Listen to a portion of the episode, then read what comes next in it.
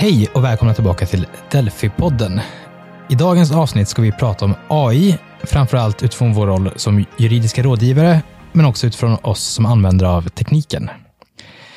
I relation till AI finns det därutöver en hel del regulatoriska frågor, kontraktsrelaterade frågor, etiska frågor och mycket mer. Men det här kommer vi inte särskilt att, beröra i dagens avsnitt. Fokus idag kommer att ligga på ehm, hur AI påverkar oss, hur det påverkar våra klienter och även branschens framtid. Med oss i studion har Olivia och jag Sofia, Johan och Linus. Vill ni kort berätta om er själva? Ja, Sofia är jag och eh, jag är en eh, techintresserad advokat som sadlat om och eh, numera uteslutande arbetar med att leda Delfis interna digitalisering, där såklart implementering av olika AI-verktyg ingår. Och Johan, det är jag och jag är eh, advokat och delägare på Delphi. jobbar inom vår Tech IP-grupp och brukar föreläsa, bland annat tillsammans med Linus, om AI lite då och då och jobbar lite mer också. Yes, men Linus Larsén heter jag, eh, advokat också i Delphis Tech och IP-grupp. Eh, jag har varit intresserad av AI-juridik sedan jag pluggade på Stockholms universitet, sedan ungefär 2015, 2016 eh, och eh, föreläser och och skriver en del om det och försöker hänga med i rättsläget löpande. Kul att ha er här. Kan ni kort berätta om er relation till AI? Jag har tyckt allt sånt här med AI och metaverse och sånt där varit egentligen roligt sen jag läste uh, Neuromancer av William Gibson och sen Snow Crash och eh, av Neil Stevenson och böcker på 90-talet. Så jag tyckte att den här typen av frågor varit superintressanta. Eh, som liten så läste jag även Isaac Asimov och science fiction och sådana saker. Det är otroligt spännande när en maskin kan ersätta eh, mänskliga arbetsuppgifter och ta, ta egna, egna beslut. Runt juridiken så tycker jag att det är eh, en spännande utveckling vi ser just nu. Eh, och Vi kommer komma in lite mer på hur det kommer påverka oss. Eh, och Just nu så måste jag säga att det är ett privilegium att få jobba med juridik och inom AI när allting händer på det här sättet. Ehm, min relation började nog 2015 när jag läste ett blogginlägg på en blogg som heter Wait But Why, som handlade om singularitet och liksom det här med generell AI som eh, i slutändan kanske liksom välter omkull den mänskliga existensen. Så det började med ett väldigt wow och sen, sen dess så har jag väl normaliserat min relation till AI mer kan man väl säga och har en mer eh, praktisk yrkesrelation och eh, eh, ser det väl mer som någonting vanligt i vardagen än det här existentiella. Men det var där det började eh, och jag tycker att det är jätteintressant. Det är väldigt kul som Johan säger att jobba med de här frågorna i en tid när, när juridiken blir väldigt viktig för att det här kommer ändå få väldigt stora konsekvenser för vår eh, vår framtid. Så från ett, från ett blogginlägg så kände jag att ah, men det, här, det här är något jag vill pyssla med till vardags och det, det är vad jag gör idag. Mm. Jag började jobba med Delfis digitalisering 2019 och eh, hade redan innan dess såklart blivit intresserad av AI, men det har ju blivit eh, någonting som har växt på mig ännu mer med tiden här och eh, särskilt nu på senare tid när AI börjar flytta in i alla de typer av verktyg som eh, advokatbyråer köper in och eh, tycker också det är ett otroligt eh, spännande och eh, spännande tid vi lever i och en spännande eh, utveckling som vi har framför oss. Jag vill lägga till en liten sak och det är ju att det här med juridiken och eh, AI är ju just nu superintressant och det händer jättemycket. Men någonstans så kokar det här tillbaka till vad Isaac Asimov skrev på, jag tror att det är 60-talet i boken I, Robot, om de tre robotlagarna. Eh, jag rekommenderar alla att läsa de tre, för att någonstans är det de är essensen av all lagstiftning som vi ser idag. Vad är robotlagen? Jag kan inte dem utan till, men i princip så går det ut på att, att en maskin inte får skada en människa. Eh, den får inte ta beslut som innebär att en människa kommer till skada eller riskerar att komma till skada. Det är, lite, det är mycket mer vad ska man säga, sofistikerat eh, formulerat än så. Eh, men vi kanske kan länka ut, lägga ut en, en länk till det i, i show notes kan vi absolut göra. Um, om vi börjar med att kolla på vår verksamhet um, på advokatfirman Delphi. Hur tror ni att vår verksamhet kommer att påverkas uh, av utvecklingen uh, inom AI? Och hur ser vi att den redan påverkas? Ja, alltså tittar man internt, som jag då gör, så, så innebär det ju tillgång till nya verktyg, eh, vilket leder till förändrade arbetsprocesser. Och detta gäller ju inte bara för våra jurister, utan det gäller ju för alla grupper inom HR, ekonomi, eh, reception. Eh, ja, alla påverkas helt enkelt av detta nya. Vad har vi för arbetsverktyg som är hetast på marknaden just nu för jurister? Alltså hetast just nu är allting som innehåller generativ AI. Mm. Eh, och eh, det, det är ju någonting vi ser kommer flyta in i princip alla verktyg som har AI idag. Eh, och det, det är någonting som talas om på alla konferenser från morgon till kväll. Generativ AI, helt enkelt. Om jag får göra ett inspel där, så är det kanske inte det som vi som, som jobbar i verksamheten eh, mest märker av, utan den största skillnaden på AI-fronten som jag märker av att vi använder eh, verktyg i mycket högre grad än vi gjorde förut för att de utvecklats. Så även om man pratar väldigt mycket om de här nya spännande verktygen som är superheta, så är det kanske inte det som faktiskt får genomlysning i verksamheten i praktiken. Eh, man kanske ska eh, också stanna upp och tänka till lite, för att eh, när man pratar om AI så tänker man oftast på saker och ting som ligger i framtiden som känns ofattbart eller oförståeligt att det kommer att inträffa. Medan man får inte glömma bort att det finns ju otrolig mängd system och, och tjänster som vi använder, som vi ser som, som, eh, alltså som, som till vardags idag. Som, som ändå baseras på AI, maskininlärning och, och eh, den, typen av, den typen av system. Jag menar, allt från chattbottar till, till de olika typerna av, av eh, röstigenkänning och sådana saker som finns från, från de stora leverantörerna. Så jag tror att det är naturligt att som människa tänka att AI är det som jag inte riktigt förstår och känner till än. Medan eh, de, det översättningsverktyg som vi använder idag, nu är vi så vana vid att använda det, så det är, man förstår inte riktigt, eller tänker inte riktigt att det faktiskt är artificiell intelligens som ligger med i det systemet. Så jag tror att normaliseringen av AI-verktyg går ganska fort vartefter de introduceras.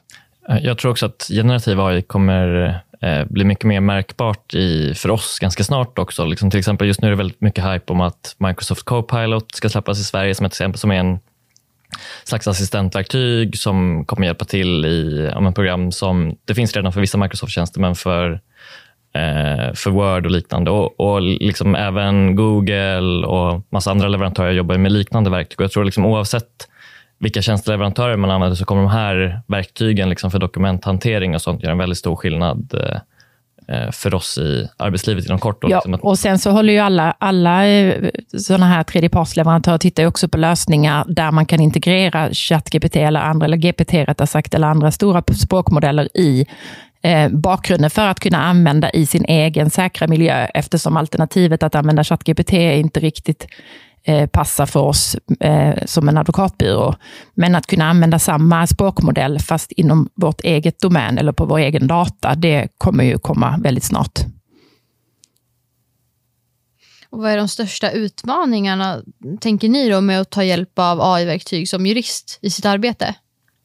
Men en grej är att man får ha lite omsorg för att vi ofta jobbar med väldigt känslig information i vår bransch och med eh, klientsekretess att förhålla oss till hela tiden. Så att ehm, eh, när, när, vi använder verktyg som till exempel tränar vidare AI-modeller på den data som, som vi tillhandahåller på något sätt genom att skri skriva prompts eller ladda upp så, så, så måste vi tänka väldigt mycket på vilken eh, eh, data vi delar med oss av. Så det skulle jag säga är en sån stor sak. Och Sen också att eh, med många av de här chattmodellerna och så där är inte helt up to date och många av oss jobbar i rättsområden som är väldigt dynamiska och där det händer väldigt mycket hela tiden. Och Man kan också kunna säga till att just nu går det inte riktigt att lita på det svaret man får heller. Eh, eftersom de hallucinationsrisken är, är ganska stor inom framförallt generativ AI än så länge. Så det krävs att du tittar på det som du får med en, en, en, eh, vad som säger, en hälsosam skepsis. Mm. I, vilken, I vilken mån kan vi liksom förlita oss på det som AI producerar åt oss?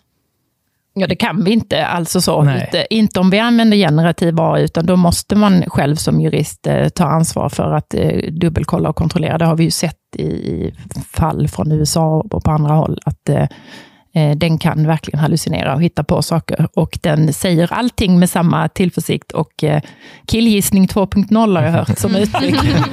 Den var bra. och eh, det är inte helt, kanske, ja, inte helt...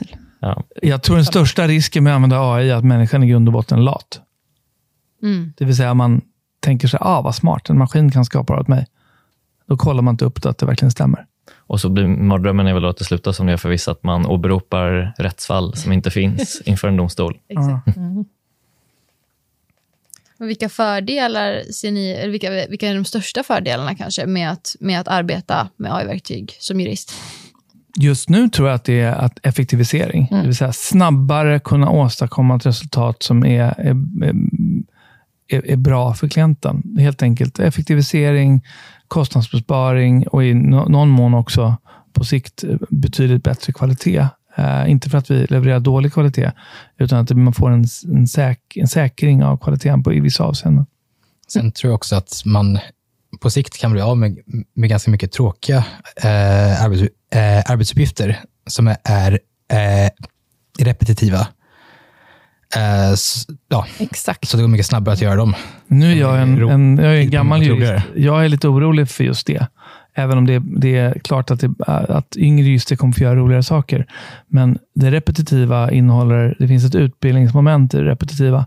Eh, att, att, göra, att börja med den typen av saker. Och jag är lite orolig för hur vi eh, säkerställer kunskapsförsörjning och kunskapsutveckling när man inte kan göra den typen av saker. Men jag tror att det kommer lösa sig. Det tror jag också. Jag var på konferens här förra veckan i Oslo och eh, lyssnade då på en eh, av Tommesens partners som eh, tog upp just den här frågan. Och han eh, konstaterade att han var inte alls orolig för det, för han tyckte att det sättet vi hade lärt upp våra advokater på var ändå ganska gammalmodigt och att med ny AI och sådär så skulle man liksom kunna lära sig det här på ett annat sätt. Men eh, det, det visar ju framtiden. Ja, men på det temat kan jag säga att det som jag ser som en stor, eh, stort värde idag, liksom, om man tänker till exempel på ja, men som ChatGPT och liknande, det är att liksom få lite extra hjälp som, som brainstorming, att så, så länge man har ett kritiskt förhållningssätt, att eh, kunna tänka lite nya banor och få hjälp liksom, av ett bollplank. Och Det tror jag kanske också kan vara hjälp i, i upplärningen. Att om man, om, man är, om man är ambitiös som nyexad jurist och använder de här verktygen på ett smart sätt, så kan man ju liksom också med hjälp av dem eh, ut, utforska nya hor- horisonter genom frågor och prompts som man skriver. Helt övertygad om att det är så. Du pratade ju lite Felix om att vi blir av med vissa arbetsuppgifter så att säga, som AI kan, kan göra åt oss. Ehm, kan man se att det kommer vara några arbetsuppgifter eller typer av uppdrag som kanske tillkommer till följd av AIns utveckling? Att våra klienter får andra utmaningar som vi behöver hjälpa till med. Ja, alltså de digitaliserar ju också sin verksamhet och stöter ju på samma typer av problem när det gäller etiska frågor eller eh, eh compliance-frågor och annat som vi gör. Så att, men det här kan ju ni bättre svara på. Vilka. Ja, men precis. Redan idag ger vi ju rådgivning till klienter just som vill använda sig av AI-verktyg i större utsträckning i, i sin verksamhet och kolla på till exempel vilka risker som kan finnas med det. Eh, och Det kan ju vara allt liksom från det etiska och liksom hur man skapar förtroende för hur man använder AI eh, mot till exempel sina kunder och även liksom att, saker som att följa regelverk som GDPR och så där, eftersom det är mycket hantering av eh, personuppgifter. Så där, redan idag så tillkommer en del nya uppdrag, liksom rent konkret eh, där. Men sen, sen så finns det säkert massa andra saker som också tillkommer genom att klienterna förändrar sitt arbetssätt och där det finns eh, nya behov kan jag tänka mig också. Men, men egentligen, Linus, så hjälper vi dem med eh, att bedöma en ny teknik utifrån existerande lagstiftning och existerande regler. Så egentligen är det inte så mycket nytt där, eller hur? Det är den klassiska juristlösningsmodellen att vi tar någonting nytt och så trycker vi ner i den boxen som det påminner om mest och så löser vi problemet utifrån det. Så är det. Och så tror jag väl att det kommer fortsätta vara ganska mycket också. Det som, det som blir lite annorlunda är liksom att man får kanske kommunicera och jobba på ett nytt sätt. Just det här med den etiska användningen och bygga förtroende, att, att där kanske man ibland ska gå eh, längre än lagarna för att skapa trovärdighet för det man gör. Mm. Vilka tror ni är de största utmaningarna för våra klienter eh, ehm, kring AI? Eh, är det de etiska och regulatoriska bitarna eller är det mer praktiska och, och organisatoriska? Eller hur ser ni på det? här? Att det finns två aspekter. Om jag lämnar det etiska och regulatoriska till, till, till Linus kanske, så tror jag att för många klienter så handlar det om att hitta use cases. Ehm, jag hörde en, en eh, kille från Volvo Trucks, eller Volvo lastvagnar, som, som jobbar med digitalisering där, som sa att de har gått ut till hela, hela bolaget och sagt att eh, presentera era use cases för att använda då framförallt generativ AI. Eh, och om ni inte kommer på ett use case får ni motivera varför ni inte gör det också. Så jag tror att en, en sak, att vi inser som företag att vi måste hänga med i den här utvecklingen, för annars så kommer vi på efterhand. Men det här är så pass nytt och så pass ibland komplext att förstå sig på att man behöver också förstå hur man ska använda det.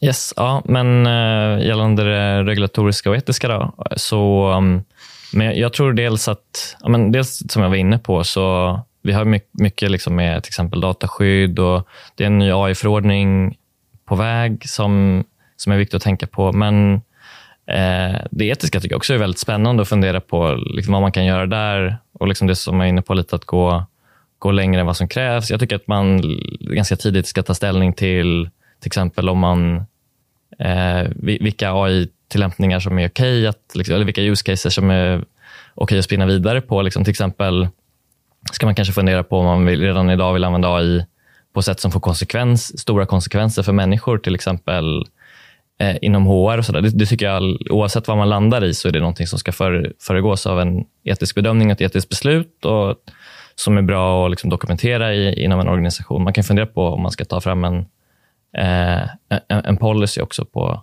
på det här området som organisation och liksom hur man kommunicerar mot mot kunder. De här frågorna tycker jag är väldigt spännande. Det är en sak som diskuteras lite inom mina internationella nätverk inom tech, att just acceptable use policies för, för olika typer av AI-system. För att de flesta av dem går att använda på till väldigt mycket olika saker. Och det som kan bidra kan också eh, bidra till att någonting blir bättre, kan också, kan också ha stor påverkan precis som Linus säger. Um, det utvecklas allt fler digitala jurister, chattbottar, system som kan drafta avtal med mera. Vilket genomslag tror ni att legal tech kommer att få framöver? Jag tror det kommer få ett väldigt stort genomslag eh, och jag tror att vi kommer få se jättemycket utveckling om det, i, alla fall hos oss som advokatbyrå, med hjälp av med allt kring administration och compliance-frågor som vi lägger mycket tid på. Eh, men även då, som vi har pratat om tidigare, hjälp med ja, avtalsgranskning, avtalsupprättande, sammanfattning av texter, göra om en text från en artikel till ett, till ett eh, LinkedIn-inlägg eller vad det nu kan vara. Vad tror ni att legal tech inte bör användas till? Ja, till då slutliga rättsliga beslut utan inblandning av en människa kanske, som Exakt. vi pratat om. Mm. Mm. Eh, och eh, än så länge så är den ju inte så bra heller på att utföra den typen av komplext arbete som kräver att man liksom kanske känner till klientens eller motpartens värderingar, incitament och drivkrafter och sånt. Så att, eh, där, där ska den ju inte användas. De är inte så bra på att ta hänsyn till mjuka värden Nej. än så länge. Nej, och så kan tillägga bara det som vi var inne på innan också, att eh, det som är väldigt nytt i tiden är ju alltså till exempel om man tänker med ChatGPT som exempel så har den ett stoppdatum för den liksom allmänt tillgängliga modellen som är någon gång 2021. Och om vi tänker för oss som jobbar i tech och IP till exempel så har det hänt otroligt mycket därefter som inte fångas upp och där det blir liksom hallucinationer. Man får till och med nästan börja bråka med, med modellen ibland om huruvida en vägledning finns eller inte. Men eh, eh, så, så det skulle jag det skulle jag nog lägga till också där med eh, liksom tid, tidsgränserna och det, det, det förändliga. Där de flesta modellerna inte fångar mm. upp det än. Samtidigt har ju OpenAI, eh, vad det gäller deras, den, den ja, betalmodellen, har de ju börjat låta den eh, lära sig på ny data också. Eh, men det ska man komma ihåg att eh, det är väldigt, eh, en hel del källor som har förbjudit den att spindla dem. Så det, det, kommer ändå inte vara på samma sätt som eh, den data som man tränade 3.5 till. Eh, det vill säga till september 21. Eftersom det är mycket, framförallt nyhetskällor och så vidare, som har stoppat OpenAI från att spindla dem.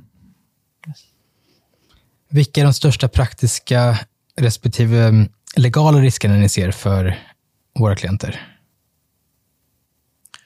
Från ett praktiskt perspektiv så tror jag att man förlit, alltså att, för, att för tidigt förlita sig på produkten från, från eh, olika typer av AI-tjänster eh, utan att för den skull göra en ordentlig eh, en analys av vad, vad resultatet är och vad, vad, man får ut.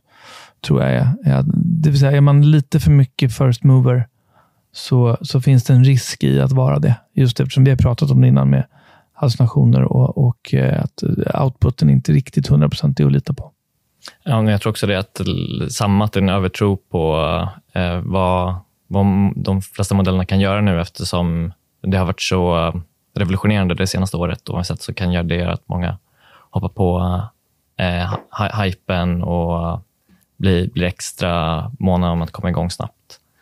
Eh, vad, gäller det, mm, vad gäller det legala så, så tror jag att det är liksom de här eh, i Europa så är det de här regulatoriska frågorna på sikt. och um, Sen, sen också att jag så tror jag att det finns en kommersiell legal risk också att man eh, kan, om man gör det här på ett vårdslöst sätt och börjar använda AI så kan det få stora problem för kundrelationer och hur man eh, ingår avtal och så framåt. Så att, eh, det, det, ser jag också som en, en stor risk här. Mm. En praktisk risk är väl också just det här läckage av företagshemligheter som vi har sett Samsung bland annat råka ut för. Eh, om man har anställda som, eh, som inte har koll på vad det är de lägger upp riktigt i de här öppna tjänsterna. Mm. Väldigt spännande. Om vi börjar kolla lite framåt, eller ännu mer framåt kanske man ska säga. Um, och, och, nu blir det nästan en sales pitch för advokater här. Men varför ska man anlita en riktig jurist eller advokat när det finns AI? Och sen, nu kan ju inte AI hantera det här än, men säg om fem tio år.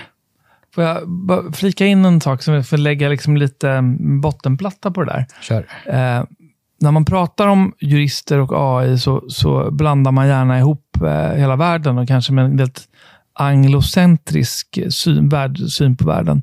Eh, och då måste man komma ihåg att i en ganska stor del av världen så används jurister och kanske framförallt advokater för en hel del ganska eh, triviala och enkla saker. Exempelvis så i större delen av världen så behöver en advokat för att köpa ett hus. Mm. Eh, du behöver en advokat för, för att upprätta väldigt, väldigt enkla köpavtal mellan privatpersoner. Du behöver advokater till allt möjligt, undersöka eh, ägarkedjan på ja, men fastigheten och liknande. Och det här är faktiskt en stor skillnad mot framförallt mot Sverige där vi eh, inte använder advokater eller jurister i den utsträckning på som man gör i en, en stor del av världen. Och Det innebär att en, en stor del av de eh, frågor och, och, och, och ärenden som jurister i kanske i andra länder hanterar eh, jobbar inte vi med.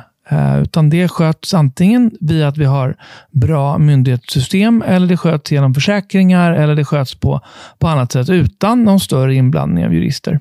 Så att man måste hålla det i huvudet när man pratar om huruvida eh, vårt, vårt yrke kommer att ersättas av AI. Ja, men och sen vill jag fortfarande trycka på det här som jag sa innan, att, att jurister erbjuder liksom möjlighet till kritiskt tänkande, att se liksom komplexiteten på ett annat sätt, att ha en empati, vilket eh, AI än så länge inte har i alla fall. Eh, och, och, lägga upp förhandlingsstrategier, vara kreativa, ha mod och sånt där. Och det är ju liksom det som den mänskliga biten tillför, eh, som AI inte, i alla fall i, i, inom överskådlig tid, kommer bli bra på, vad jag tror i alla fall. Men sen när det gäller det mekaniska, analytiska arbetet, så, så, och det här grundläggande enklare uppgifterna som vi pratar om, de repetitiva, som vi kanske ändå inte tycker är så roliga. Och det är inte därför man har utbildat sig till jurist, för att eh, sitta och, och göra dem, den typen av uppgifter, eller administration eller compliance-frågor som vi har med, med jäv och, och, och med penningtvättsfrågor och sånt där. Att där, där kommer, kommer väl AI komma in, men att man kommer fortfarande behöva den mänskliga aspekten i, dem, i alla fall den typen av komplexa juridik som vi hanterar jag tror också att det helikopterperspektivet är viktigt, som både Johan och Sofia var inne på. Och sen en annan grej specifikt med advokater som jag tänker är viktigt, att vi följer etiska regler och på ett sätt att vi, vi är skyldiga att använda AI-teknik AI på ett mer ansvarsfullt sätt än, än andra jurister också, bara som en, som en skillnad där. Eh, just att vi är bundna av tystnadsplikt och klientlojalitet eh, eh, på, på ett annat sätt. Så att, ehm, det, det, är väl också en annan grej som jag vill eh, vill, vill lyfta och som, blir, som, är, som är väldigt viktigt. Just det här med när eh, ris risken finns för dataläckage, som det här Samsung-fallet som eh, Sofia var inne på som ett exempel. Så att, eh, mm. Jag tänkte fråga först om, eh, om ni tror att det kommer finnas några jurister kvar om 10-20 år, men det känns som att det har vi redan avhandlat, att det kommer det göra. Så om jag omformulerar mig då och frågar, hur tror ni att vi jurister kommer jobba om ja, 10-20 år? Hur, kom, hur kommer det se ut för oss? Jag tror att om tio år jobbar vi ungefär likadant som vi gör idag. Tror du verkligen det? Jag tror faktiskt det. För att eh, om det är någonting man lär sig av förändring och, och så är att det går mycket långsammare än man tror att det ska göra. Däremot så tror jag att vi har på våra skrivbord eh, och vi har tillgång till verktyg som gör vårt jobb mycket enklare. Och roligare. Eh, och roligare. Att exempelvis skriva ett avtal eh, kommer vara betydligt enklare för att det blir mer som en eh, mer som en viss mån som en legoövning eh, med färdiga bygg, byggstenar som man anpassar utifrån det som Sofia var inne på. Strategier, empati, kunskap om motparten, kunskap om den egna klienten och sådana saker. Det vill säga vi kommer tillföra andra saker än de rent, eh, vissa, vissa formuleringskonst. Jag tror vi kommer se en större standardisering. Men i grund och botten tror jag att vi kommer jobba ganska likt som vi gör idag. Men vi kommer slippa massa tråkiga saker som tidredovisning, kanske sköts av en AI, så vi slipper lägga tid på det. Andra administrativa uppgifter som att eh, redovisa utlägg och allt annat sånt där som, eh, som man ändå måste lägga en massa tid på. Det, det är ju bara kul om man slipper det, tänker jag. Ja, eh, jag, jag tror ungefär samma. Och så det, jag tror att det också, alltså den här automatiseringen av vissa enklare uppgifter kommer kanske också göra eh, ändra lite hur klienter anlitar jurister, tänker jag. Och att det blir ännu mer fokus på det här strategiska och helikopterperspektivet i de, de uppdrag som vi, vi får från klienter, specifikt som advokater.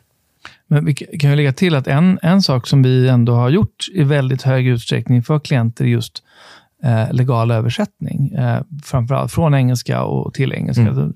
Och, och, idag, det ser vi idag att det är en helt annan uppgift idag än det var för bara ett år sedan. Eh, där, där man var tvungen att eh, hitta någon som kunde göra det och som kunde lägga ganska lång tid på att göra det.